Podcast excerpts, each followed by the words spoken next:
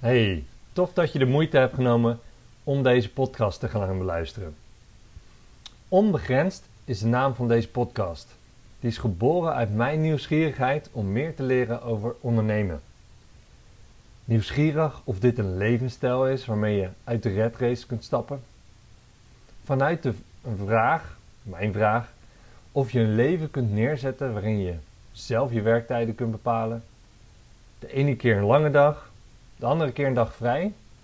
Een leven waar je meer betekenis ervaart in je leven, in je werk en vaker doet wat je leuk vindt. En als het dan even mee zit, iets comfortabeler en bovenal avontuurlijker leven doordat je daarvoor het geld en de vrijheid hebt. En eerlijk is eerlijk. Eigenlijk beschrijf ik hier het beeld waar de meeste jongeren van nu mee zijn opgegroeid.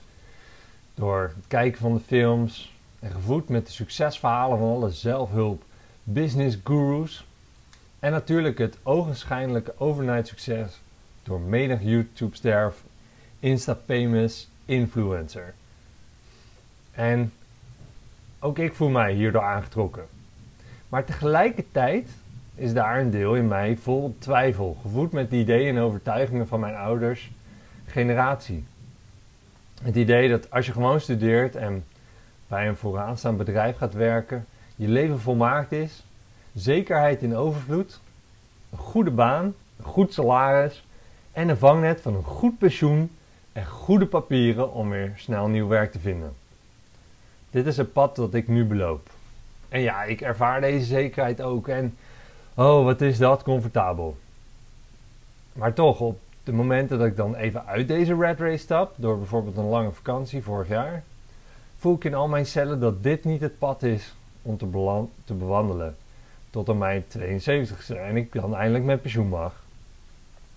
Dus deze podcast is voor iedereen die net als ik wel eens twijfelt aan het pad dat hij loopt. Ik ga in gesprek met ondernemers om hun verhaal te horen. En inspiratie op te doen hoe het anders kan. Of dan wel kom ik er eigenlijk vele interviews achter dat misschien die oude mensen toch wel gelijk hadden. Mijn naam is Paul Vrouwenvelder en de host van deze show. En ik moet bekennen, het uitbrengen van de, deze podcast heeft echt wel even geduurd. Uh, de eerste ben ik gaan opnemen uh, in november afgelopen jaar. En vervolgens in de maanden daarna heb ik meerdere podcasts wel opgenomen. Tegelijkertijd wel de angst voelen en het spannend vinden. En zo heeft de laatste twee maanden het eigenlijk gewoon even stilgelegen sinds het laatste interview. Ik ben gelukkig wel weer hele kleine stapjes gaan zetten. En dat is eigenlijk de aanpak geweest om überhaupt te komen tot nu de eerste live podcast. Namelijk gewoon met de simpelste van de simpelste microfoons beginnen. Een simpele release neer te zetten. Weet je, geen grote Facebook campagnes of noem maar op. Uh, geen fancy editing. Eigenlijk nu van de eerste podcast. Het is gewoon redelijk clean. En ik heb wel geleerd, ja, in je hoofd vind je al veel, veel vragen. En in actie vind je die antwoorden. Dus ik hoop eigenlijk zelf door deze podcast ook meer antwoorden te krijgen. Waar wil ik nou eigenlijk heen? En hoe wil ik dat nou eigenlijk doen? En wat is dan de beste manier of wat is de manier die bij mij past? En ik hoop heel erg dat jij de inspiratie, net als ik, uit deze interviews gaat halen. En ook wel uit mijn aanpak en mijn struggles die ik met jou wil delen. En de struggle van de grootste tijd was wel, ja, is, is het product nu goed genoeg? En de allereerste podcast die ik heb opgenomen, ja, nu naar terugluisteren, is die eigenlijk nog wel even goed als de vijfde die ik opnam. Ja, het is niet altijd makkelijk uh, om door te gaan, maar als ik iets van het komende interview heb geleerd van Bas Jan, is ja, je moet toch gewoon doorzetten met een idee en dan vast blijven houden. De podcast om, onbegrensd uh, is opgeknipt in seizoenen. Dat is nu het eerste idee, uh, dat ik een seizoen doe. Het eerste seizoen over ondernemen. Hoe werkt dat nou eigenlijk? Echt eens in gesprek van, hey mensen, hey uh, meneer mevrouw de ondernemer. Hoe ben jij nou begonnen? Heb je een sprong in het diepe gewaagd? Heb je een soort langzame overgang gemaakt? Hoe ben je überhaupt tot je ideeën en je concept gekomen?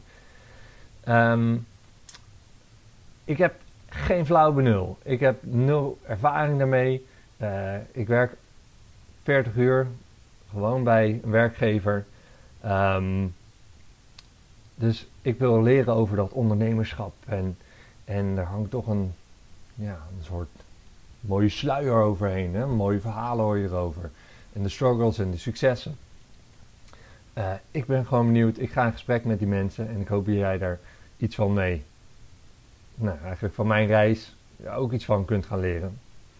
En de eerste aflevering, die is met Bas-Jan Faber. En Bas-Jan Faber is echt een inspiratie. Want wat ik gaaf vind aan Bas-Jan, is dat hij echt een balans lijkt te hebben gevonden tussen zijn vader, tussen zijn vader nee, tussen vader zijn, uh, CEO zijn van een internationaal bedrijf en tegelijkertijd heerlijk kunnen ontspannen. Want ik heb Bas-Jan ontmoet via een kennis, gewoon op een feestje, waar ik hem lekker zie ontspannen, uit zijn dak zien gaan. En ik heb men, die avond met hem in gesprek geraakt. En hij blijkt dus ook een succesvol ondernemer. En ik dacht, wow, weet je, uh, ongeveer tien jaar, tien jaar ouder dan dat ik ben. Ik denk, ja, daar, daar zou ik ook wel willen staan. Uh, ik heb hem nu geïnterviewd. En wat ik eruit heb gehaald, hij heeft echt een nuchtere kijk op het ondernemen. Het hoeft allemaal niet te fancy. Je hoeft niet de nieuwe iPhone, een nieuwe Steve Jobs van deze wereld te zijn. Als je het maar gewoon net even een beetje beter, slimmer of anders doet dan je concurrent en vasthoudt aan je idee. Uh, ik zeg het al, Basjan is de, uh, een van de oprichters van C-Jobs. Die hij tien jaar geleden uh, is hij daarmee gestart met een aantal vrienden. En in tien jaar tijd zijn ze uitgegroeid tot een onderneming met ruim 150 medewerkers in meerdere landen. En hij helpt klanten met het ontwerpen van schepen tot aan de bouw daarvan en de tewaterlating. En het zijn schepen van wel soms meerdere voetbalvelden lang. Al met al echt een inspiratie voor hoe je succesvol kunt zijn en tegelijkertijd met beide voeten op de grond blijft. Een podcast vol gouden tips. Nou, veel plezier. En hier is Bas-Jan Faber.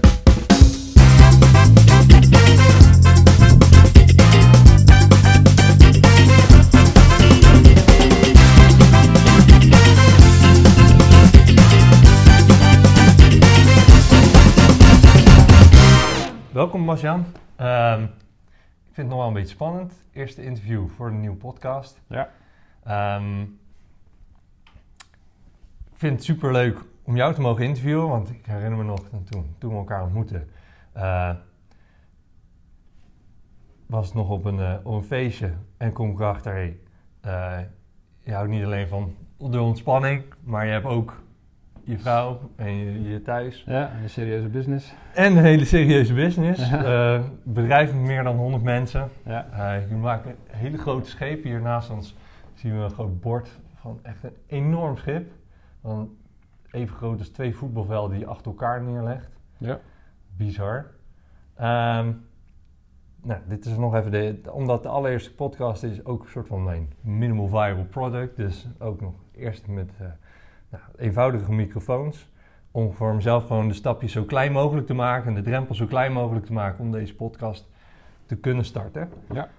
Um, ja, dat is eigenlijk mijn manier hoe ik, uh, hoe ik soort van doelen probeer te halen. Om gewoon zo klein mogelijk te maken dat het voor mezelf zo makkelijk is en alle weerstand kan wegnemen. Ja, nou ja leuk om daar uh, onderdeel van te zijn. Hè, om in die eerste case voor jou uh, zeg maar een bijdrage te kunnen doen. En ja, ik denk dat er genoeg te vertellen is over, uh, over uh, ons bedrijf en, uh, en, mijn rol erin. Ja, hoe, hoe kijk jij aan tegen doelen halen? Hoe, heb, je, heb, je, daar een, een, manier voor of hou je helemaal niet zo bezig met doelen? Nou ja, als ik kijk naar mezelf, 15 jaar geleden was ik altijd heel erg bezig met doelen. En, en, en dat heb ik, was toen denk ik op zijn extreemst. En, en de laatste, nou misschien sinds nou, in het begin met C-Job, dit bedrijf hebben we nu 11 jaar. Ja. Uh, natuurlijk ook altijd heel erg vooruit gekeken. En dat is ook belangrijk. Uh, maar op een gegeven moment kwam ik er ook achter dat ik alleen maar bezig was met doelen. Ja. En vergat uh, vandaag te leven. Ja, en dat is, wel, dat is op een gegeven moment wel iets wat je leert. Dat je uh, moet, moet afwegen tussen wat vandaag belangrijk is en waar je vandaag van moet genieten. En, en waar je dan in algemene zin dan de lange termijn naartoe wilt werken.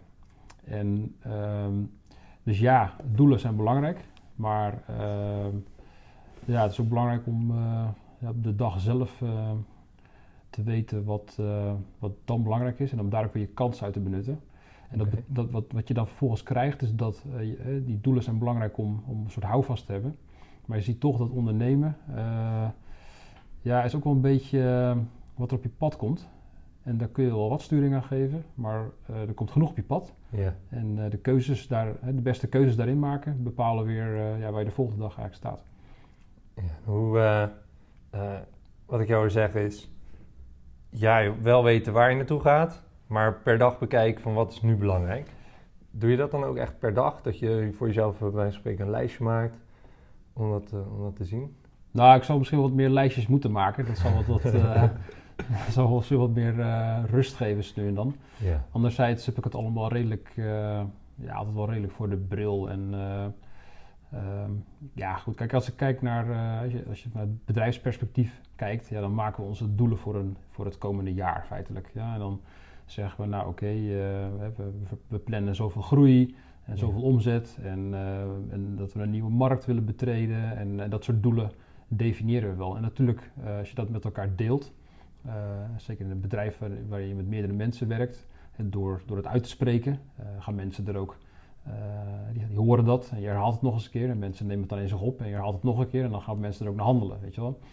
Ja. dus die, die doelen zijn belangrijk voor mensen om, ja, om houvast te hebben. En, maar het is niet dat ik nou de hele dag dus bezig ben met, met, met mijn doelen. Nee, het, is, het ondernemen is, ja, is, is dealen met het, wat op je pad komt. En, daar, en dan kijken of het, het, of het aansluit bij, bij je doelen. En op die manier stappen te maken. Dus het is meer een soort kompas voor jou? Ja. Om te weten, nou, ja, dat is wel er, komt iets, er komt iets op me af. Ja. Ga ik hiermee wel in zee of niet in zee? Of ga ik hier iets mee doen of niet iets mee doen? Ja. Uh, afhankelijk van nou, die stip op de horizon. Ja, ja, ja. Geeft wel veel rust, denk ik. Uh, ja, nou ja, ja zeker. Ja. Ja. Ik kan bij mezelf wel eens, uh, wel eens opmerken dat, je, dat ik in het verleden dan iets had en dat ik dan dat zo graag wilde halen en dan nog maar een soort van oogkleppen op en alle, alle andere kansen die er eigenlijk op je afkomen, dan maar laat lopen. Uh, omdat je per se je, je doeletje wil halen zoals je dat ooit van tevoren had bedacht in plaats van... Ja. Nou, kijk, ik denk dat je... Dit is niet per se uh, goed of fout. Hè? Ik bedoel, het heeft geen waardeoordeel. Alleen, uh, zeker als je een bedrijf hebt van onze omvang nu, uh, ruim 80 man in Nederland en nog eens een keer 50 man in Oekraïne en we zijn verder aan het uitbreiden. Ja, dan moet je ook, je moet niet te veel je oogkleppen op hebben. Hè? Want je, je, je, kan je daarmee blind staren op op één ding. Ja. En, en daarmee jezelf en het bedrijf in een, ja, toch in een behoorlijk risico brengen. Dus het is belangrijk om juist wel breed te kijken en al die kansen goed te beoordelen. En, en te toetsen of ze inderdaad bij het doel passen of niet. En soms ook het doel aanpassen. Ik bedoel, dat gebeurt vaak genoeg. Hè. We, als je in ons businessplan terugleest van 2007 toen we begonnen en, en kijkt wat we nu aan het doen zijn ja, dan is misschien nog maar 30% uh, uh, over van wat we toen uh, hadden bedacht. Ja? En nu zijn we bezig met onze plannen voor 2025. En uh, dat geeft richting. Op basis daarvan maken we een soort roadmap per jaar wat we willen bereiken. Ja. Maar goed, we moeten niet dan ons daar helemaal op blind staren. En over een jaar weer om, om tafel met elkaar om te kijken van... nou, hoe gaan we dan weer, weer onze doelen bijstellen op basis van wat we vandaag weten. Ja, voorstellen. Ja. Nou, dat is misschien gelijk een mooie, mooie stap nog naar wat doet C-Jobs? Hoe, is dat, hoe is dat gelopen? Uh, wat is het verhaal daarachter? Ja. Um, ja, misschien eerst even beginnen met wat staat hier nu al? Ja. Uh, je noemde het net al, je hebt 80 medewerkers in Nederland. Ja, dus wat het vandaag is, na 11 jaar, is drie kantoren in Nederland. Hoofddorp is onze, de, de, vestiging waar we, eigenlijk, waar we eigenlijk gestart zijn. Hmm. Niet in dit pand. Dit is een pand waar we sinds twee jaar in zitten. Het is een groot, nieuw pand, gerenoveerd in ieder geval. Mooi strak, hoge plafonds, ja. goed verlicht. Het pand waar we in begonnen zijn was ja, een soort anti-kraak pand. Dat was prima om te starten. Het was 400 vierkante meter groot. Dus een gegeven moment groeiden we daar in alle opzichten uit. Het werd, het werd te klein, maar het, het ja, het klimaat was ook niet op orde. Er was, ook, er was maar, was maar, Altijd, hè? was maar één, één toilet. ja, het, was, het werkt allemaal niet meer. Niet genoeg parkeerplaatsen dus hier zitten we nu sinds twee jaar. En in dit pand kunnen we groeien tot, uh, tot 50 man, 60 misschien wel. We zitten nu met kleine 40 in dit pand. Okay. En dan hebben we nog een kantoor in Heerenveen. Dat was voorheen Jouren. maar ook daar groeiden we, groeiden, groeiden we uit het pand. Hmm. En zitten we sinds juni in Heerenveen in een nieuw pand. er zitten nu 20 man. En kunnen we weer doorgroeien naar 40 ongeveer. In Rotterdam zijn we vorig jaar begonnen. Dat is een nieuwe locatie. Hmm. En uh, daar zijn we begonnen in een verzamelconcept van, uh, van, uh, van Regis. Een verzamelflex kantoren ja. pand. waar we begonnen zijn met nou, man of vijf. Eigenlijk afgesplitst van Hoofddorp. opgestart in Rotterdam. En inmiddels zit daar ook 20 man. En gaan we in januari verhuizen naar een definitieve plek met uitzicht over de Nieuwe Waterweg. Lekker maritiem. En ehm, ja, en dat maakt alles met elkaar in Nederland. Als je de staf erbij telt op, ja, dan kom je op ruim 80 mensen uit. En de core business? De core business is, uh, ja, wat, de core business is feitelijk het ontwerpen van schepen. Dus uh, wat wij doen is, ik ben zelf ook scheepsbouwkundig ingenieur. Ehm, ik heb in Haarlem de HTS gedaan, van 1998 tot 2001 geloof ik. En daarna nog Universiteit Bedrijfskunde. Eh, en eh, in hart en nieren scheepsbouwer, zou ik wel kunnen zeggen. En, en dat is wat we hier toepassen. Hè. Dus wij eh, ontwikkelen schepen vanaf niks. Hè. Dat, dat grote kraanschip waar je het over had, wat hier op tafel staat. Ja, dat is een, een, een vooruitstrevend ontwerp. Maar um, ja, toen we daar aan begonnen in 2016, toen was er niks. Hè. Toen hebben we de klant uitgehoord. Hè. Wat, wat heb je nodig? En dat hebben we vertaald naar een ontwerp. En dan komen alle aspecten komen aan bod. Dus het schip moet natuurlijk zijn werk kunnen doen, het moet veilig zijn. Er leeft 150 man aan boord. Het moet uh, duurzaam zijn. Het vaart op natural gas bijvoorbeeld. Wat nou houdt het in, natural gas? Nou ja, dat is de, kijk, de meeste schepen die, um, die, varen, die varen op zware olie. Ja. Erg vervuilend. Dus je ziet toch wel een transitie naar schonere brandstoffen. Dus dan diesel, dat is wat duurder. Zware olie is gewoon een soort overblijfsel van uh, ruwe olie. En dat, uh, nou ja, grote motoren kun je dat wel verstoken, alleen het is een soort teer. Dus je kan je wel inbeelden dat er... Daar hou je veel meuk aan over. Ja, daar hou je heel veel troep aan over. Dus dat, maar goed, die, het is wel echt een transitie gaande waarin, die, die, waarin de reder, de rederswereld ook wil naar een, een betere wereld. Hè. Dus er treedt verandering op. En deze eigenaar in België, DME, ja, die hebben gelijk besloten, oké, we gaan een nieuw schip bouwen. Dus we doen het op natural gas. En natural gas is, uh, ja, het is een, in ieder geval als je, als je het hebt over uh, fijnstof en, en zwavel en, uh, en, en NOx, de, de, alles wat je bij zware olie wel hebt, dat heb je bij natural gas eigenlijk niet. Behalve dat natural gas wel CO2-uitstoot kent, wat, ja, wat, wat, die andere brandstoffen ook hebben. Dus je lost een deel van het probleem op, maar niet alles. Maar het is wel een hele vooruitstrevende stap in de maritieme industrie in ieder geval. Ik heb wel eens gehoord, weet niet, eh, misschien weet jij hoe ver dat waar is, dat die grote cruiseschepen die aanmeren in, in Rotterdam, dat die meer, niet vervuiling in CO2, maar dat er een aantal stoffen zijn die echt een, van een miljoen vergelijkbaar zijn echt met een miljoen auto's die rijden. Ja. Absurd. Maar dat komt door die zware olie. Hè. Zware olie is gewoon, uh, stookolie is gewoon een, een residu. Hè. Dat is het laatste dat overblijft in, de, in, in, in die toren, zeg maar. Ja, het allerlaatste voor mij asfalt, maar dus als het dan net geen asfalt is, ja, dan uh, gooien ze het in, die, in die schepen en dan ja. uh, maken ze het eerst warm, zodat het een beetje vloeibaar wordt. Ja. ja, en dan kun je het verbranden. En het is heel goedkoop, uh, maar heel vervuilend. En er zijn nu wel, het is nu wel een transitie gaande dat dat soort schepen dus nabehandelingsinstallaties moeten toepassen. Dat wat uit de uitlaat komt, dat dat nog wordt gefilterd. Ehm, maar er zijn nog hele stappen, stappen te maken. Het komt erop neer dat gewoon de brandstoffen daarmee duurder wordt. Hè, want je gaat naar schonere brandstoffen. Uh, ja, maar meer geraffineerde brandstoffen. Ja, die zijn dan ook weer duurder. En ik heb ook wel eens laatst gehoord over... Uh, zijn waterstoffabrieken worden nu wel gebouwd om uh, treinen op te laten rijden. Ja. doen ze dat nu ook al met de schepen? Of is dat iets wat in de toekomst gaat komen? Nou, dat is, als we teruggaan naar ons bedrijf, dan wat, we, wat we sinds dag één doen is het maken van ontwerpen. Ja. En dat, dat doen we dan helemaal tot aan, ehm, tot aan de werf, hè, zodat de werf kan beginnen met bouwen. Dus we doen helemaal tot aan het detailniveau maken wij tekeningen. Ja.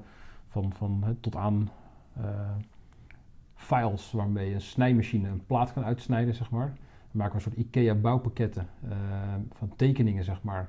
Zodat die werf eh, met die, die al die onderdelen heeft uitgesneden en zo'n schip kan eh, samenstellen, alles Ja. van elkaar kan lassen. Ehm, nou, dat is, dat is wat we traditioneel doen. En eh, sinds eh, een jaar of drie eh, hebben we ook een R&D-afdeling. En dat is een beetje gekomen met onze omvang. Als je wat groter wordt, krijg je wat meer ruimte om ook tijd te steken in research en development. Ja. En daarop hebben we dus ook eh, ja, drie man op de payroll, die dus ja, gewoon echt werken aan innovatie. En een van die innovaties zit op het vlak van, ja, wat zijn dan onze toekomstige brandstoffen? Ja, en eh, waterstof is dan, eh, ik bedoel, uiteindelijk is ehm, natural gas of diesel is feitelijk ook waterstof, alleen dan verbonden aan carbon. Hè, dus Ja. een, het zijn koolwaterstoffen, zeg maar. En doordat je het verbrandt, gaat die C koppelt zich aan een O en dan wordt het dus CO2. En die H wordt gebruikt voor de verbranding, die waterstofatoom. Waardoor waterstof dan te koppelen aan ehm, andere atomen. Bijvoorbeeld, eh, wij hebben eh, onze ontwikkeling zit op het vlak van NH3. Dat is dus waterstof gekoppeld aan een stikstofatoom. Eh, dat is feitelijk ammoniak. Ja. wat je daarmee dus kan doen, ammoniak klinkt wat chemisch en het is ook een, het is een gevaarlijke stof. Maar het is wel een schone brandstof. Dus als je NH3, ammoniak, Mhm. waterstof eigenlijk gebonden aan stikstof Ja. verbrandt, of Ja. beter nog omzet in een fuelcel van ammoniak naar water en, eh, en, eh, en een uitstoot van stikstof, eh, kun je dus die energie gebruiken. Energie om je schip weer voor te stuwen. Even kijken of ik, of ik je begrijp. Je hebt. eh, je, er is een voorkeur om. eh, om ammoniak te gebruiken, zodat die koolstof los kan komen Je van gebruikt- die H-atomen. Ja, dus wat, wat je, dus vrij technisch dit, hè, Ja. maar ehm, dus, dus een, een, een, een diesel bijvoorbeeld, dat is een, een keten van eh, koolwaterstof, zeg maar. Ja. Waterstof gebonden aan een stukje koolstof. Als je dat verbrandt, eh, komt die koolstof verbonden met zuurstof, CO2, eh, de schoorsteen uit. Ja. Dus door een brandstof te gebruiken die dus geen eh, koolstof in zich heeft, of in een andere vorm, Ja, ja, ja. eh, voorkom je dus dat je dus dat CO2, je CO2 in de lucht hebt. Juist. Dus wij zoeken naar een manier om waterstof eh, toe te passen. Het probleem van waterstof is, is dat het vrij veel volume inneemt. Om, je zou eigenlijk dit schip wat je hier links van mij ziet, het schip is 200 meter lang. Als je dat zou willen voorzien van een voortstuwing op puur waterstof, Ja. Moet je het schip eh 50% groter maken. Nee joh. Om diezelfde hoeveelheid energie Ja. eh, op te slaan. Ja, maar op te slaan. Maar ik, ik, ik ben natuurlijk een leek. En ik denk, ja, waterstof, eh, dat wordt toch met eh, elektrolyse uit water gehaald? Ja. Eh, kan je niet een soort eh, mini, eh, zeg maar, een soort mini fabriekje op, die, op dat schip zetten? Dat het gewoon, net zoals een soort uh, atoomonderzeeër, dat die gewoon maar kan blijven gaan? Of dat, dat is echt onhaalbaar. Ja, maar dan moet je dus een, eh, als, je dan, als je dat op een schone manier wil doen, althans schoon, dan moet je daar dus een eh, kleine reactor neerzetten die dus inderdaad eh, energie opwekt om Ja. dan weer waterstof te maken. Ja. Maar dan kun je net zo goed die energie gelijk gebruiken om je schroeven te laten draaien. Ja. Je moet die waterstof ergens mee genereren. Ja, dat is waar. Ja, en daar heb, je, natuurlijk, daar heb je dus een brandstof voor nodig. Ja, en als je daar uranium voor gebruikt en dat Oh. in een kernreactor stopt, ja, dan heb je ook een methode. Maar dan hoef je geen waterstof meer te maken. Duidelijk. Ja, dat is vrij technisch, maar we zijn bezig om inderdaad een, eh, die waterstof-economie ehm, toepasbaar te maken op de scheepvaart. Ja. En, en dat, dat heeft wat haken en ogen. En de uitdaging Daardoor zit hem in dat kijken wij- volume. Ja, hè, dus, dus als je kijkt naar NH3, ammoniak, eh, maar er zijn andere methoden zoals methanol. eh, heb je dus een, dat zijn dus methoden om die energiedichtheid interessant te maken, zodat die schepen rendabel op waterstof kunnen Ja. varen. Dat, is de, dat is waar we aan werken. En dat, zijn, ja, dat zijn ontwikkelingen die we, of dingen die we binnen ons bedrijf doen, die eh, eh, ja, zes, zeven jaar geleden niet voor mogelijk hielden dat we, dat, dat we daaraan zouden werken. Nee, want je hebt, je hebt voldoende omzet nodig om, de, om dat te kunnen dragen. Want het levert in eerste instantie niet zoveel op.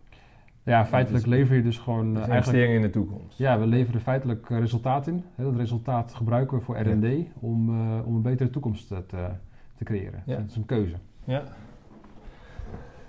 Ja, Dat is een keuze die weer kansen geeft. Hè? Ik bedoel, ja nee, eh, dat, is- en jij hebt een gouden ei dan. Mocht, mocht het zover, ja, mocht, het, mocht je er komen, dan... Ja. Ja. Ja.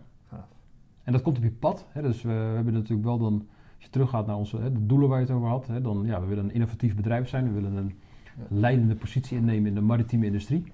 Ja, wat moet je dan doen? Hè? Dan, dan vervolgens ga je dus, kom je op het pad van, van research en development. En, en dan kom je weer op het pad van, oké, wat willen we dan, hè, waar willen we dan ons onderzoek naar doen? Ja, dan, ja goed. Dan, dan, dus, en zo kom je dan weer op het pad van eh, alternatieve brandstoffen. Ja. En dan ga je daar naar kijken en dan kom je erop uit dat, eh, dat die NH3 dan een hele voor de hand liggende keuze is. Hè, maar dus, als je dan kijkt, ja, het is een soort samenloop van omstandigheden dat je tot het punt komt dat je op een gegeven moment research doet naar dit soort zaken. En dat, is, ja, dat, dat is niet te voorspellen. Bedenk je van Het tevoren is niet niet. te voorspellen. Nee. Dus op een gegeven moment het ontstaat omdat je de wil hebt en de mens hebt en een visie hebt. eh, en daaruit ontstaan nieuwe dingen. En dat is, dat is wel mooi. Ik denk dat zo, geval lijkt mij dat wel een grote meerwaarde uiteindelijk is van hey, jullie zijn gestart met z'n vieren en je bent nu met meer dan 100 man, dat er ook een soort van in het netwerk zijn er ook meer ideeën, meer nou, en tegelijkertijd biedt het dus meer kansen. Ja. Dan heb je eigenlijk ook een soort sneeuwbaleffect. van, Zeker weten. eh, het is echt een soort, ja, je praat een soort waarde, waardesneeuwbal. Omdat je hebt zoveel meer mensen en Ja. meer ideeën en dat biedt weer meer kansen en dat biedt weer meer groei. En, Ja, dat je op een gegeven moment moet zeggen van oké jongens, eh, eh, rem erop. We kunnen niet alles tegelijk. Nee. Eh, we moeten dan ook een beetje focus aanbrengen. Kijken of de dingen inderdaad die we doen passen bij onze uh, langetermijn doelstellingen. Mhm. Dus ja, dan ga je wel je keuzes maken. Maar je ziet inderdaad wel dat als je die creativiteit stimuleert, dat er dus eh onwijs veel eh, spin-off afkomt. En dat je echt ehm, daarin moet gaan eh, wegen. Dat je ook tegen mensen moet zeggen, ja, goed idee, maar eh, we, pa- we parkeren hem even, want we moeten even focussen op iets anders. We kunnen niet alles Ja, je tegelijk kan niet doen. alle kanten tegelijk doen. Dat is ook een beetje het gevaar dat als je te eager bent en te veel wil, dat je jezelf gewoon om zeep helpt, omdat je gewoon, eh, je, je kan niet alles tegelijk. Je moet gewoon eh, toch een focus aanbrengen op een paar dingen. En goed blijven kijken wat, eh, ja, of je daarmee de juiste kant op ontwikkelt. Ja, herkenbaar. Hoe is dat? eh, eh, ik weet, je, je, ja, je bent met vier, volgens mij vier vrienden begonnen. Eh, drie, drie? vrienden van de HTS ja? eh, en daarbij nog een, eh, een investeerder die we goed kenden, die, die ook zijn nek heeft uitgestoken om, om ja, met ons dit plan aan te gaan. En dat is feitelijk meer een stille vennoot. En wij zijn met z'n drieën destijds begonnen als ja, eh, de, de, de drie mannen die de, die de business op gang hebben getrokken. ja. En hoe, hoe wisten jullie toen naar tijd welke kant op je moest ontwikkelen? Zeg maar, want jullie zijn gestart volgens mij met ontwerpen. Nou, we zijn begonnen met eh, hoe we, hoe we zijn begonnen. Dat was een van de doelstellingen destijds. Dat we zeiden, we, willen, eh, we leggen een bedrag X in, een startbedrag. Ja. Eh, dat is eigenlijk om ons eh, een soort werkkap werkkapitaal.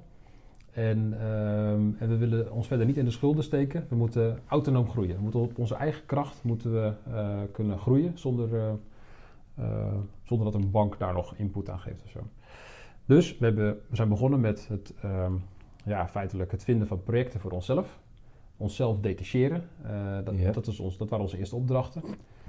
Ik heb opgezegd bij mijn vorige werkgever. Dat is een concurrent van ons nu. Was toen ook natuurlijk al. Maar ja, ik zei op. En eh, ik heb tegelijk gezegd, tegelijkertijd gezegd, je kan me nog inhuren voor een paar maanden. Ja, dan, eh, dat is handig voor jezelf Ja. en handig voor mij. ja. En daarmee heeft hij ons, eh, heeft- hebben ze ons misschien een beetje in het zadel geholpen. Maar dat genereerde wel cash. Ja. En op een gegeven moment, wat we dus met, met z'n drieën dat eigenlijk deden, konden we op een gegeven moment, eh, hadden we, genereerden we ja, voldoende cash om te zeggen dat een van die jongens wat minder zichzelf ging detacheren, Ja. maar zichzelf kon vrijspelen om eh, business te gaan ontwikkelen. Dus eh, eh, een beetje eh, de eerste stappen eh, op het gebied- van ehm, eh, de marketing.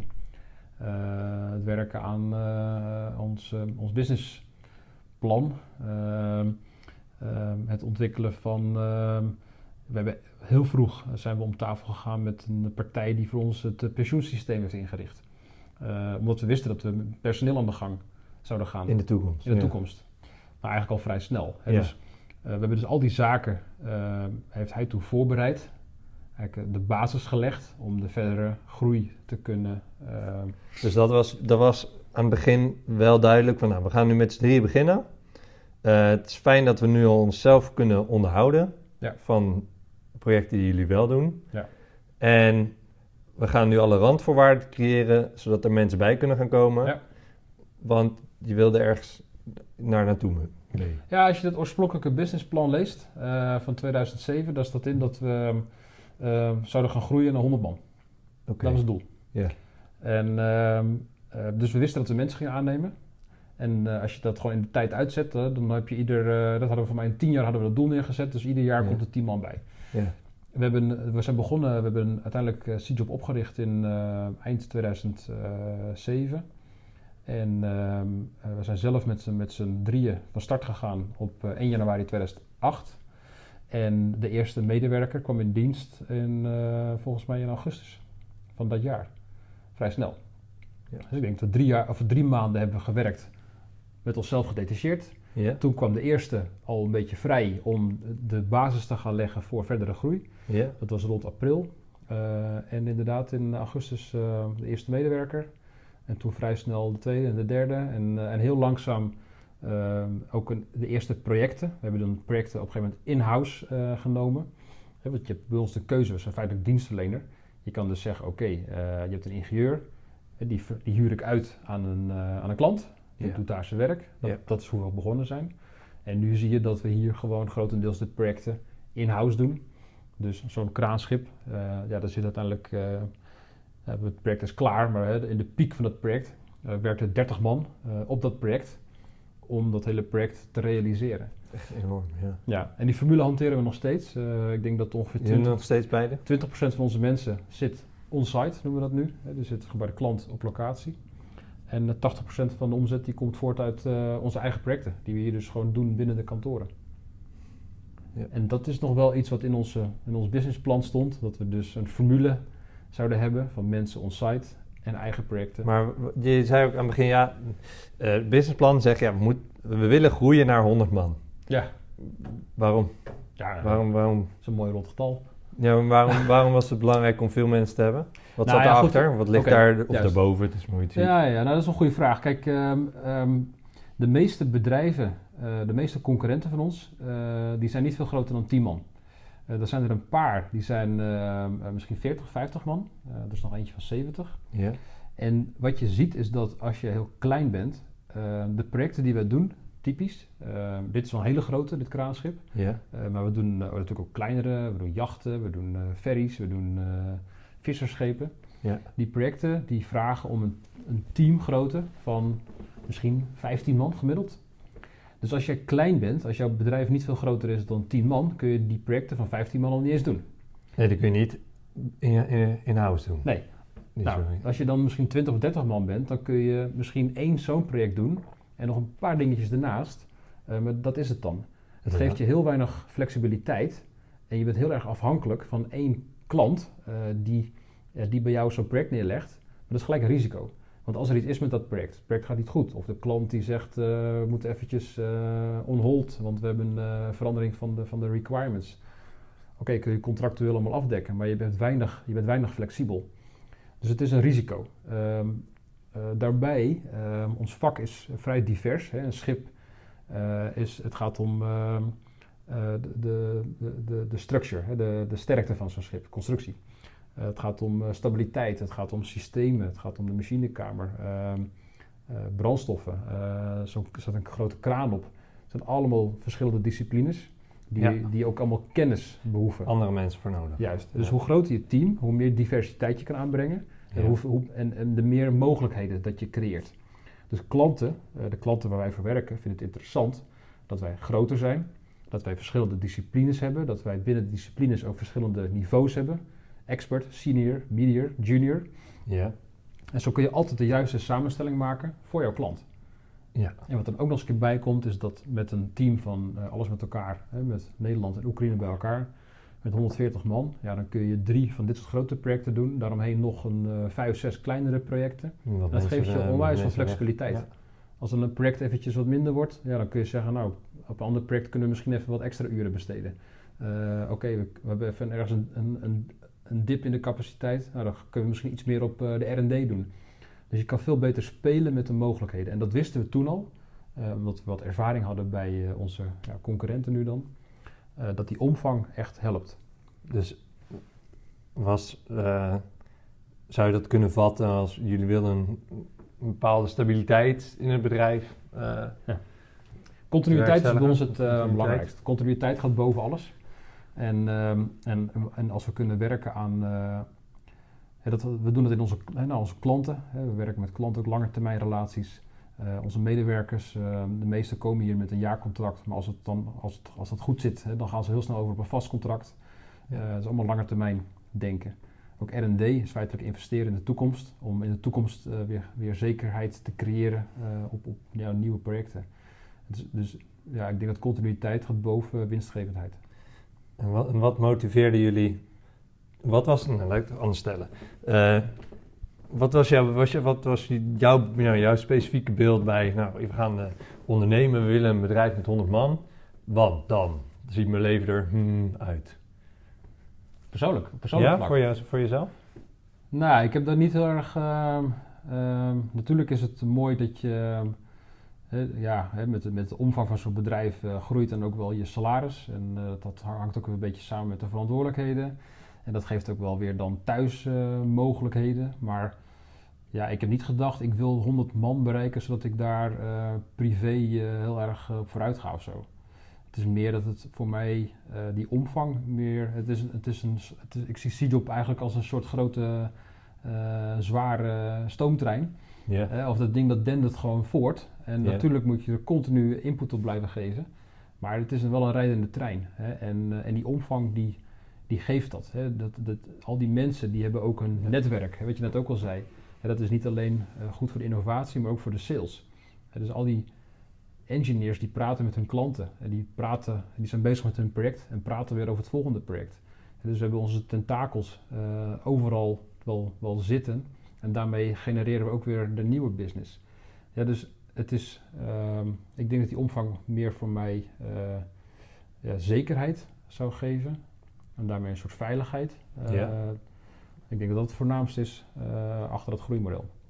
Oké. Het is, ja, ik denk niet dat al mijn ehm, collega's ermee, of concurrenten het ermee eens zijn. Ik weet dat sommige concurrenten ervoor kiezen om klein te blijven. Hè, dat, het is natuurlijk een bekend gezegde, hè, we wensen je veel personeel toe.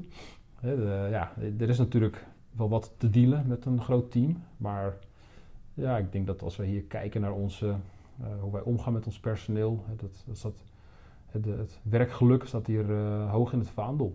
En door dat, daar actief mee bezig te zijn, met die mensen bezig te zijn, te werken aan, ja, aan, aan, aan dat team effort en die team spirit, ehm, ja, is een groot team helemaal niet een, een last. Is een groot team alleen maar een, ja, iets moois.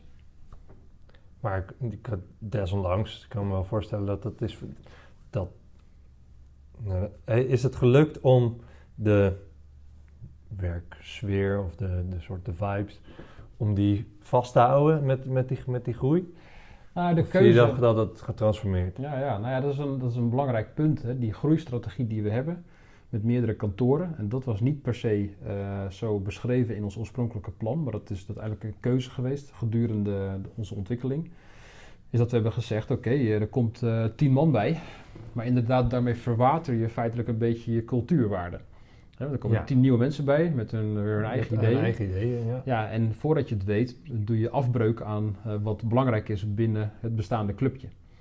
Maar door uh, met meerdere locaties te werken, uh, die wel soort afgesplitste cellen zijn van de oorspronkelijke moeder, hè, Hoofddorp, zie je dat, die, uh, dat het DNA, hè, die cultuur, hè, die is overgegaan naar die nieuwe locaties. En ja, en als we dus nu met tien man groeien, ja, dat zijn dus drie in Heerenveen en drie in Rotterdam en vier in Hoofddorp misschien, ja, dan verwatert het minder. Dus je houdt dus ja. per kantoor die cultuur ja. in stand en je kan makkelijker groeien. En dat is een bewuste keuze geweest, dat we hebben gezegd, oké, we willen wel groeien, maar we willen niet met 100 man in één kantoor zitten. We hebben uiteindelijk gezegd, we willen in één kantoor niet veel meer dan 50 man hebben. Want met 50 man, dat is nog een groep die je in principe allemaal nog kent. En dan kun je met één eh, general manager kun je daar nog eh, leiding aan geven. Ehm, en als je met 100 man komt te zitten, ja, dan zitten de mensen aan de andere kant van het kantoor die je misschien niet meer kent. Dan komt er een uh, hiërarchische laag tussen. En ja, dat, dat, dat, dat willen we niet. Dus we hebben juist gekozen om, te, om kleinere cellen te creëren die, uh, ja, die, uh, die, dat, die dat persoonlijke vasthouden. Ja. Ik wil zo nog heel even terugkomen op, je noemde het verhaal hiervoor iets nog over sales. Ja, iedereen heeft hier zijn eigen netwerk. Maar ik ben eerst nog even benieuwd, moest het daarvoor eerst fout gaan? Zal maar zeggen, hè? dat jullie realiseerden, oh shit, we zijn nu met 60 man. Ja, dit moeten we echt anders doen. ja, was mooi, dat al voortschrijdend inzicht? Nou ja, kijk, um, hoe CJOB is gegroeid is dat um, uh, we, waren, we zijn met z'n drieën begonnen. Um, een van die jongens die is uh, overleden na een jaar. Uh, Heftig. Wel een sidestep in dit verhaal, maar ja, die was op weg naar een klant. Die was dus on-site op zijn motor en ja, die is omvergereden. En die is ter plekke overleden. Dat was Klaas Tanis was een uh, technische jongen. Uh, en uh, ja, die, die is er niet meer. Heel spijtig. 2008 is die, 2009 is die overleden, straks tien jaar geleden. Job Volwater en, en ik zelf, wij zijn doorgegaan. en Job zat vooral in de commerciële rol. En ik meer in de technische rol. Ook omdat Klaas wegviel, ben ik meer op de techniek gaan focussen. En heb ik ook heel veel ontwerpen nog zelf gemaakt. En tegelijkertijd was Job vooral bezig met de externe kant uh, en de sales. En zo zijn we vanaf 2009 doorgegroeid, uh, totdat een, tot een 2016 aan toe. Waarbij Job eigenlijk nog steeds vooral uh, aan de saleskant zat. Ja. En de sales heel erg in zijn vingers had. en ik deed meer de interne organisatie. niet alleen meer projecten, maar ook ja, financieel, noem het allemaal maar. Ja, en dat was een model wat, wat op een gegeven moment niet meer ehm, ehm, dat was niet vol te houden, zeg maar. want op dat moment draaiden we een omzet van misschien, uh, weet ik veel, 5 of 6 miljoen. Wat allemaal feitelijk bij Job vandaan kwam uh, als het gaat om de sales. En uh, Job lag daar wakker van en ja, het is ook natuurlijk gewoon kwetsbaar. Ehm, dus toen zijn we dat gaan hervormen. Toen hebben we gezegd, oké, okay, dit model is niet vast te houden. Dit is te risicovol. Hoe groot waren jullie toen? Nou, toen waren we denk ik met 50 man. Oké, okay, ja. ja. En toen hebben we gezegd, dat sales team moet anders. Dat sales team er moet een sales team komen. Ik bedoel, het sales team is niet alleen Job, dat sales team moet breder zijn. Uh, en toen zijn we gaan stimuleren dat, uh, ja, dat er dus een, uh, iedere kantoor, dat, dat die kantorengedachte ontstond ook een beetje rond die tijd. En, en toen zijn we gaan stimuleren dat die general managers van die kantoren eh, hun netwerk moesten gaan managen. Dat de mensen binnen die kantoren die de projecten doen en met klanten in contact zijn, ook hun relatie gaan onderhouden, hun relaties gaan onderhouden. Want het is ons, ons vak toch, hè? het is een kleine wereld. Iedereen kent elkaar. Uh, als je je werk goed doet uh, ja, en je onderhoudt je contacten en je vraagt aan die klant, joh, uh, wat speelt er nog meer? ja, dan zegt zo'n klant, ja, we zijn nog met iets bezig. kun je hier ook even meekijken? En zo ontstaat een volgende project, weet je wel. Dus we zijn in, in, nou, toen in een jaar tijd getransformeerd van één man sales naar iedereen doet sales. Ja. Of niet iedereen, maar laten we zeggen dat een derde van het team toch echt wel betrokken is in, uh, in het creëren van nieuwe opportunities. En dat is wel een, uh, daar zijn we echt, uh, dat was, als we dat niet hadden gedaan in 2016, dan, ehm, ja, dat was veel te risicovol geweest. Dan vraag ik me af of we, want we zitten nu vol met werk. We hebben gewoon, bijna keuze. Zitten tot en met begin volgend jaar gewoon sowieso vol. En dan kunnen er wel weer dingen kunnen er gestaag bij komen.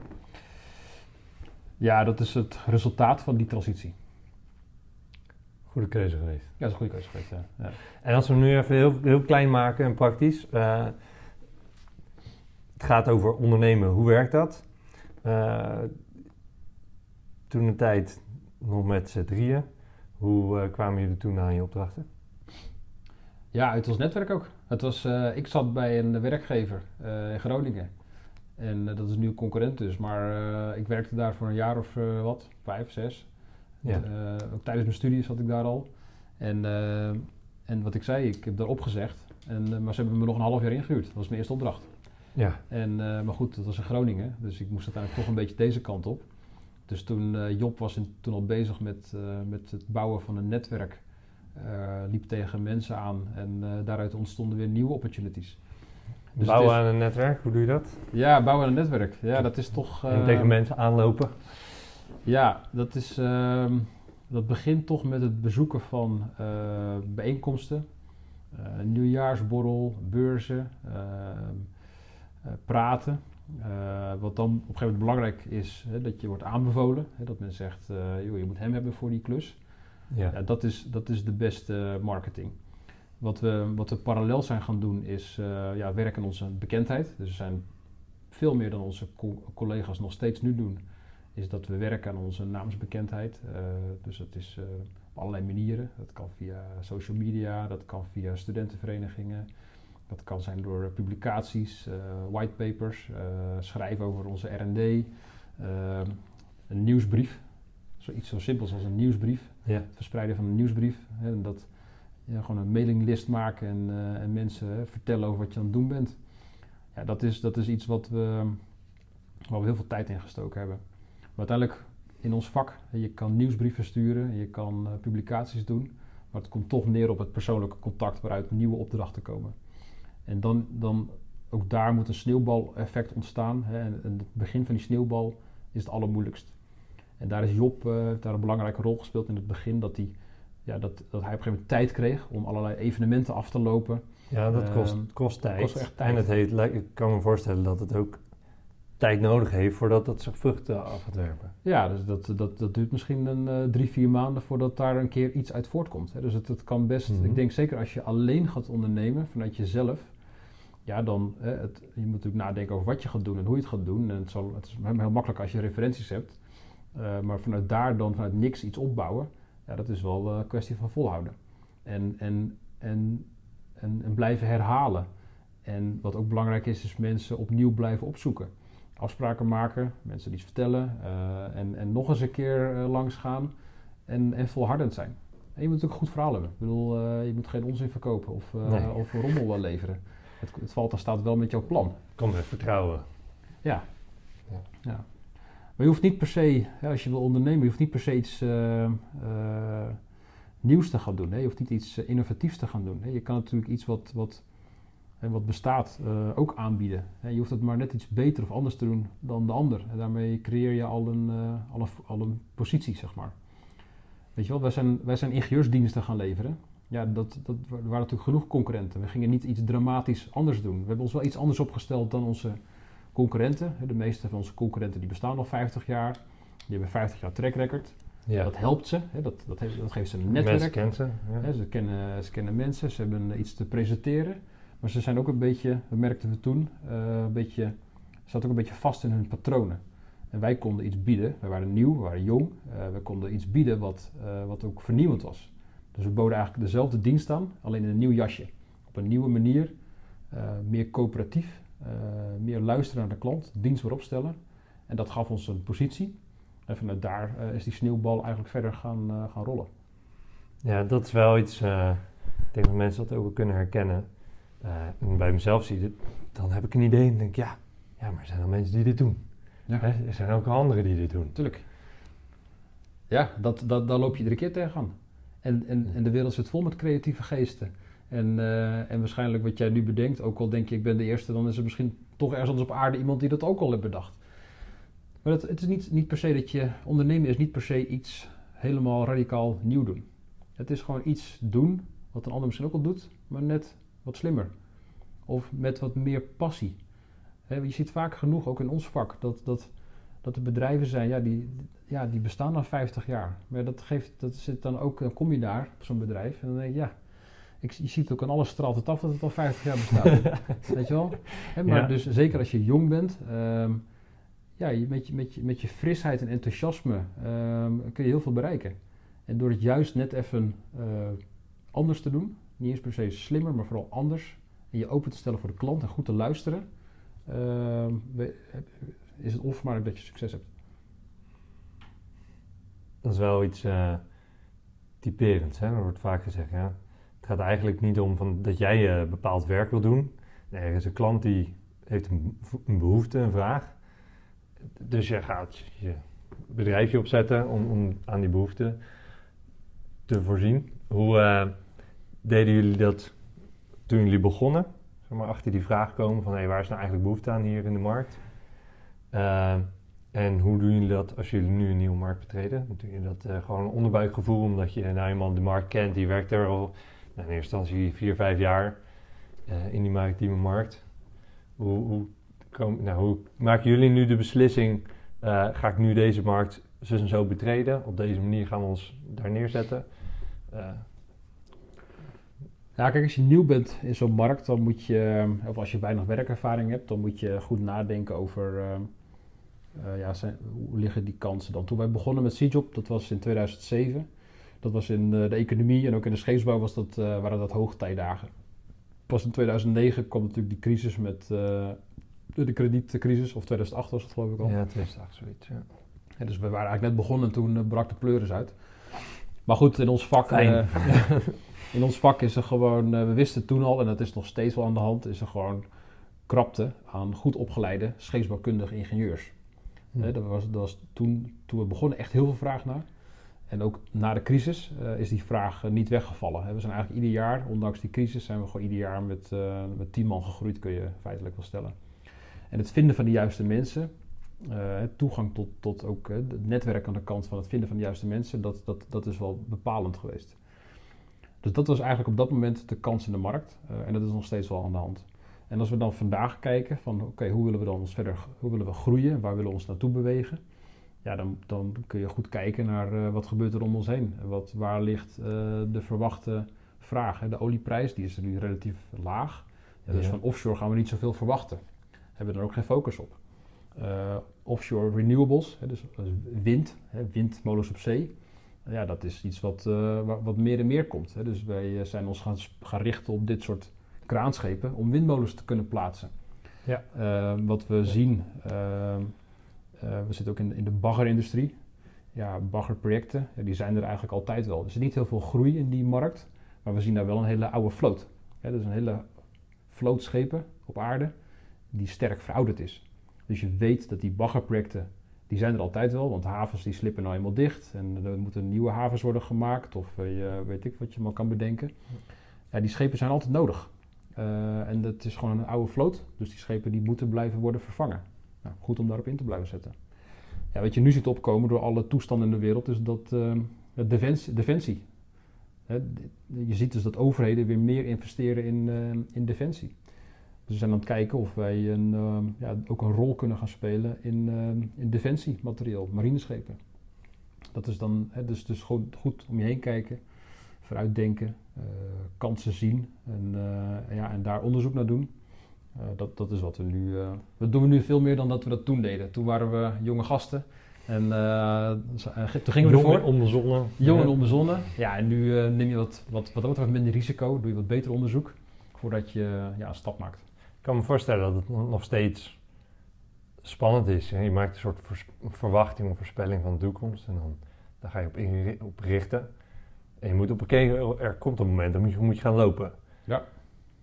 Hoe ga je daarmee om? Ja, nou ja, flexibel blijven. Kijk, uh, we, zijn, we, hebben ook al eens een stap gemaakt. Uh, ja, uh, dat, dat is het rendement wat minder van, zeg maar. we hebben gezegd, ja, oké, okay, eh, we kunnen nu door blijven gaan, maar we kunnen het ook een beetje bijsturen. Ja, dus wat belangrijk is, is en daarom we richten ook ons op als, als bedrijf op meerdere marktsegmenten. En dat kan dus ook met onze omvang. Je ja. kan zeggen, we werken aan baggerschepen, we werken aan grote kraanschepen, we werken in de grote jachtbouw en we werken in, in ferries. Dat zijn een beetje onze focusmarkten. Ja, en het valt in staat dan ook niet met, hey, gaat dit succes zijn? Of... Nee, want je ziet dus dat de ene markt komt een beetje op en dan zakt het een beetje weg. En intussen kijken we naar nieuwe markten en zo kunnen we ons blijven diversificeren. Ja. ja dat is wel het voordeel dat je wat groter bent, want dan, dan heb je er ook veel meer gelegenheid voor. Als je in je eentje bent ja, dan, en dan op, op vier markten gaan focussen, hoe ga je dat dan doen? Dat, dat kan dus niet, weet je wel. Nee. Dus die omvang brengt dan ook wel weer mogelijkheden. Ja, snap ik. Ik ben nog wel benieuwd. Uh, ze hebben uh, een klein beetje ander onderwerp. Jij bent algemeen directeur. Waarom ben jij dat? En wat is jouw, nou, jouw idee dan over of je visie op leiderschap en hoe, hoe doe je dat goed? En wat hoort daar dan bij? En wat, wat zijn misschien nog uh, belangrijke principes of waarden waarin je probeert vast te houden omdat het jou helpt of richting geeft? Ja, nou ja, goed. Kijk, uh, ik ben het ook een beetje, uh, omdat ik natuurlijk een van de oprichters ben. Dus uh, je rolt er ook gewoon in. Het is eigenlijk iets wat van je wordt verwacht. Anderzijds, als het me niet had gelegen, was ik er al, was ik, was ik, had ik het niet gedaan. was ik misschien aandeelhouder geweest, maar had ik een andere rol. dus ik, ik heb wel altijd gedacht dat dit bij me zou passen, zeg maar. Um, um, ik, ik heb nooit kunnen voorspellen dat ik het doe op de manier zoals ik het nu doe. Dat hangt ook een beetje af met, met het team wat je om je heen creëert. Um, hoe ik mijn rol uitoefen is, is vooral.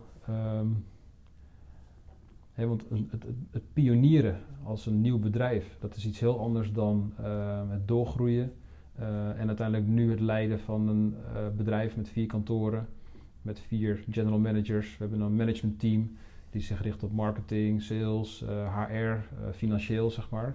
Een management team van acht man. Um, ja, dat is allemaal ontstaan door de jaren heen hè, om antwoord te geven op de veranderingen in het bedrijf. En wat mijn rol dan nu is, is vooral werken op de wat langere termijn. Um, werken aan visie, uh, het uitdragen van die visie. Mensen inspireren waar dat naartoe moet.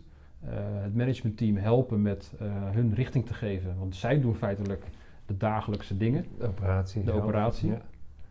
Ja. dus, dus daar dus hun inspireren, hun helpen. Ook een vorm van toezicht houden op wat ze doen. Informatie terugvragen.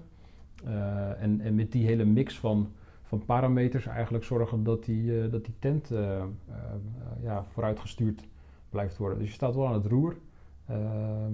Maar ja, andere mensen die doen vooral het werk. En dat is denk ik ook belangrijk. Ehm, dat je in een managementfunctie, of in ieder geval in een, in een, in een, in directiefunctie, dat je moet voorkomen dat je, ehm, nou zeker met de omvang die we nu hebben, dat je dus heel veel dingen zelf gaat zitten doen. Maar dat, je, dat het vooral belangrijk is dat je de juiste mensen om je heen verzamelt die, die de juiste dingen gaan doen. Kon je dat makkelijk, dat loslaten? Er wordt wel vaak ja, ik gezegd, er, dan uh, groeit de organisatie op een gegeven moment tot een man, uh, ja. man of 50. Dan moet er een tussenlaag komen en dan moet je als, als eigenaar moet je zelf minder gaan doen. Ja, nou ik vind zelf dat ik dat heel makkelijk kan. Dat is wat, ik, wat er sinds, sinds dit jaar ook doen, is dat ik mijn eigen, ik, laat, ik heb mijn eigen beoordelingsgesprek. Ja. Laat ik doen door mijn eigen managementteam, zeg maar. Oké, ja. En ik, vind, ik vind zelf dat ik dingen makkelijk kan loslaten en overdragen. Het wordt niet helemaal gedeeld. Sommigen vinden dat ik, dat ik me dan toch nog met heel veel dingen zelf bemoei. Uh, ja, dat heeft natuurlijk gewoon een geschiedenis. Dat komt ergens vandaan. Ik heb die tent zelf uh, opgebouwd met, met Job. En ehm, ja, in het begin deed je ook alles zelf. Ja, ik bedoel, een van de meest sprekende voorbeelden is dat als een leaseauto moet komen, dan zoek ik hem zelf uit. Weet je wel? Ja, ik denk dat als je nu, uh, als, ik, uh, als hier nu een uh, andere directeur zou komen, die zou denken, ja, ik ga me echt niet bemoeien met het uitzoeken van een leaseauto. Geef maar wat moois. Ja, nou, maar het, voor het team ook. Hè. Ik bedoel, we hebben iets van 14 auto's rondrijden. Okay. Dan bemoei ik mezelf nog met welke auto voor wie wordt ingezet. Oh, echt ja? Ja, omdat het gewoon iets is wat zo ontstaan is. Ja. Maar ja, dat staat natuurlijk nergens op. Hè. Dat moet je gewoon loslaten en overlaten aan, aan de HR-afdeling. Of iemand die het wagenpark beheert. Maar dat, ja, dat zijn dan dingen waar je dan toch nog een beetje aan vasthoudt. Omdat, omdat ja, ook dat het leuk is of zo. Maar ik vind, ik vind zelf wel dat ik dingen makkelijk kan overdragen en anderen kan overlaten. En ik vind het ook niet erg dat er fouten gemaakt worden. Als men, het, als men er maar eerlijk over is en ervan leert en dat we weer kunnen bijsturen. dus je ontkomt er niet aan dat als je dingen overdraagt en overlaat aan anderen, dat het niet precies gaat zoals jij dat wil. En dat er dus ook wel eens een fout gemaakt wordt. Maar dat is de enige manier om verder te komen. En andere keren misschien denk je, oh zo had ik het nog zelf nog niet bedacht. Nou ja, je komt ook wel eens tot de inzicht dat, iemand, dat je iets aan iemand geeft en die, het gewoon, uh, die dat beter oppakt dan dat je dat zelf deed. En dat is alleen maar mooi. Ja. Eh, dat, dat anderen het beter doen dan dat je dat zelf deed. En ik zie dat niet als een bedreiging. Dan denk ik, ja, Oké, zie je wel, hij had het inderdaad. Het is een goede keuze geweest dat hij het is gaan doen, want het gaat in ieder geval beter dan dat ik het zelf Heb ik goed gedaan. Heb ik goed gedaan. ja. ja. Dat is wel, uh, ja, dat, dat moet je wel, uh, dat heb ik wel moeten, ook een beetje moeten leren. Maar het is onvermijdelijk. Als je alles zelf wil blijven doen, word je gek. Ja. Ik bedoel, ja. Het gaat, uh, ik word in ieder geval niet gek. Het gaat wel goed. ja. ja. hoe doe je dat? Uh, een soort van je leven balanceren. Ik kan me voorstellen dat uh, bedrijf opbouwen kan, kan heel veel tijd kosten van jezelf. Je, je investeert misschien meer tijd dan dat je normaliter als je zelf in loondienst was geweest. Uh, je kan ook, in ieder geval kan me voorstellen, je kan ook voor kiezen, nou, ik werk maar 32 uur aan mijn bedrijf en dan groeit het zo snel als dat het groeit. Hoe hou jij voor jezelf uh, je balans tussen ja, je leven thuis, je sociale leven en je werk? Ja, ik zou makkelijk uh, 80 of 90 uur kunnen werken. Maar uh, ja, dat is alleen maar voor mij het teken dat er iemand uh, aangenomen kan worden. Want dan, maar kunnen omdat het werk is, omdat jij het ook gewoon zo gepassioneerd bent dat je dat gewoon je allebei omdraait? Allebei. Het werk is er. en, en het is ook gewoon de passie om het, om het te doen. Maar ja, weet je, als je dat te lang doet, dan, dan, dan red je het niet. Dan help je alleen maar jezelf om zeep. En daarbij vind ik het belangrijk om, om te genieten van wat thuis is. Vrouwen en kinderen. te genieten van wat, wat er in de wereld allemaal om ons heen te doen is. Ik bedoel, je, bent maar één, je leeft maar één keer en je leeft vandaag. En, en ja, er zijn genoeg voorbeelden om ons heen en om mij heen waarbij mensen in één keer niet meer zijn. Ja, en uh, dan wil ik niet. van dichtbij meegemaakt. Ja, ik wil niet. Uh, ja, met Klaas, uh, die was in één keer weg. En mijn nicht, ja, goede relatie mee. Daar woonde ik, mee, daar woonde ik bij thuis. En ze kreeg oh, wow. kanker en overleden. Weet je wel, ben je 32. Zo. Ja, dus het, het, is zo, het kan zo voorbij zijn. En als je niet, niet, nu, niet, nu, ik geniet van dit, ik geniet van dit bedrijf. Maar ik vind het ook belangrijk om te genieten van, van, van, ja, van, de, van de mensen waar je houdt, die, die dichtbij staan. En die balans moet goed zijn, zeker weten. En is, is dat iets wat je nog duidelijker hebt gerealiseerd door het verlies van Klaas en van je nicht? Ja. Of is het, daarvoor had je dat ook al? Nee, daarvoor had ik het uh, niet. Nee. Nee, daarvoor, dat is ook de, de veranderingen die, uh, en ook mijn, uh, mijn vrouw heeft me daar wel bij, dus die heeft niet mij er actief mee geholpen, maar die heeft me al wel leren genieten van het leven, zeg maar. Het is een Limburgse, notabene. Hè, dus, die kunnen wel genieten van het leven. Maar, Jij elk jaar naar de carnaval? Ja, precies. nee, maar goed, totdat Klaas overleed, ehm, leefde ik meer op een soort automatische piloot in de toekomst. En, en met het overlijden van Klaas en later in 2000, ik weet niet eens meer precies, 2012, 13 mijn nicht. Ehm, ja, dan realiseer je wel dat, dat werk heel betrekkelijk is. En het leven is heel fragiel. Dus je moet ervan genieten. En die balans moet echt goed zijn. Je mag wel een jaartje misschien uh, hard werken of in het rood uh, draaien, maar je moet wel zorgen dat die balans er is. Want ja. hou die vol. Ja. Dan krijg je later spijt. Ja. Ja, ik kan me voorstellen. Kijk naar de klok. We lopen een beetje tegen het einde aan. Yes. Dan ben ik toch wel. Uh, nou, laten we uh, heb jij nog uh, dagelijkse gewoontes? Dan uh, heb je nog iets van, nou, zo begin ik mijn dag, want dan weet ik dat ik heel productief of heel gefocust of juist, waar net over hadden, heel ontspannen ben? Nou, ah, goede nacht slaap is altijd wel goed. Maar ja, dat, met twee kleine kinderen lukt dat niet altijd. is niet altijd een keuze. Nee, is niet altijd de keuze. En ehm, nee, ik heb niet echt een speciaal ritueel waardoor mijn dag beter is of slechter. Wat wel heel goed helpt is een beetje blijven sporten. Als ik niet sport, door wat voor reden ook, ik hou wel van hardlopen en fietsen of zwemmen. Dat lukt niet altijd, omdat zeker fietsen kost veel tijd. Ja. Maar als ik, ik probeer wel iedere week één of twee keer te hardlopen. En dat houdt me wel heel erg fit en scherp. Als ik dat niet doe, dan vertroebelen dingen, krijg ik overal pijn, word ik chagrijnig. Dus ja, sport. Sport is, een beetje sport is wel echt een noodzaak voor mij. Ja, ik heb maar. Het is ook wel iets uh, wat soms wat uh, makkelijk laat varen. Ik heb nu geen tijd, dan doe ik dit niet. Ja. Terwijl eigenlijk als je het dan wel had gedaan, dan heb je de rest van de week meer energie. Ja, om, en dan krijg je eigenlijk misschien wel meer gedaan dan, dan dat half uurtje of dat uurtje over te slaan. Yes, zeker weten. Ja, ja. Ja dus blijven bewegen. Ja. In ieder geval, uh, ja, wat ik ook een beetje meer aan het doen ben, is zo grappig, is meditatie echt, uh, doe je dat dan in de pauze of doe je dat vooraf of voordat je gaat slapen of gewoon wanneer het is? S'avonds.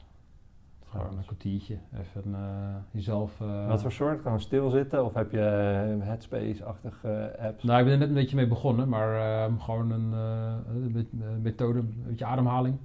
En daar dan, kies ik gewoon een muziek bij. Muziek typen en, en dan afschakelen. Ja. En daarna dan, eh, ja, ik weet niet, ben je toch, eh, het helpt wel echt in het eh, dingen loslaten en jezelf eh, resetten. En hardlopen of sporten geeft een beetje hetzelfde effect. Het is gewoon jezelf eventjes... eh, Even naar binnen keren eigenlijk. Ja, ja, dat is onwijs belangrijk. Helpt me Ja. onwijs. Ja, heel, heel mooi. Oké, afsluitende vraag. Als jij nu eh, weer, nou, laten we zeggen, 28 zou zijn. Je staat er dit keer eh, in je eentje voor. Maar je hebt wel alle kennis die je de afgelopen jaren hebt opgedaan. Ehm, hoe zou je dan het ondernemerschap aanpakken? Poeh.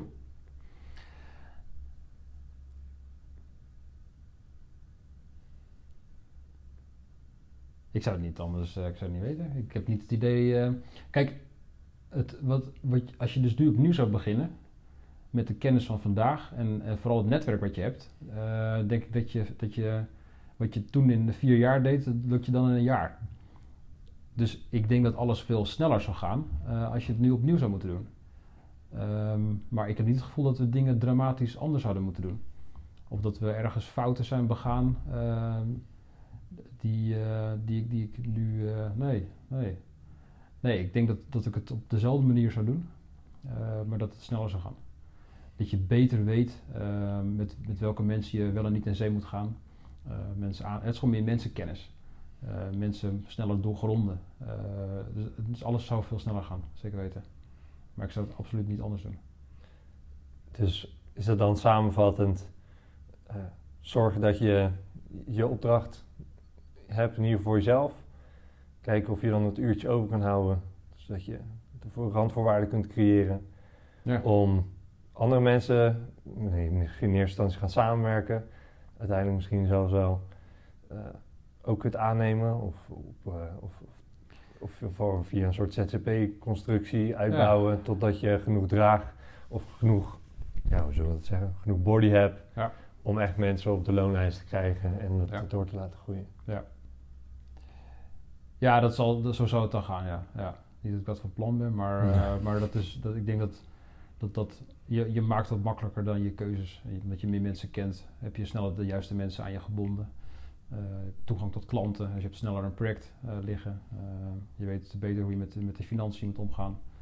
Maar het is niet dat we ergens grote fouten hebben gemaakt, nee. Nee, nee, nee zeker. Nou, fijne constatering lijkt Ja, zeker. Ja, ja, ja. ja.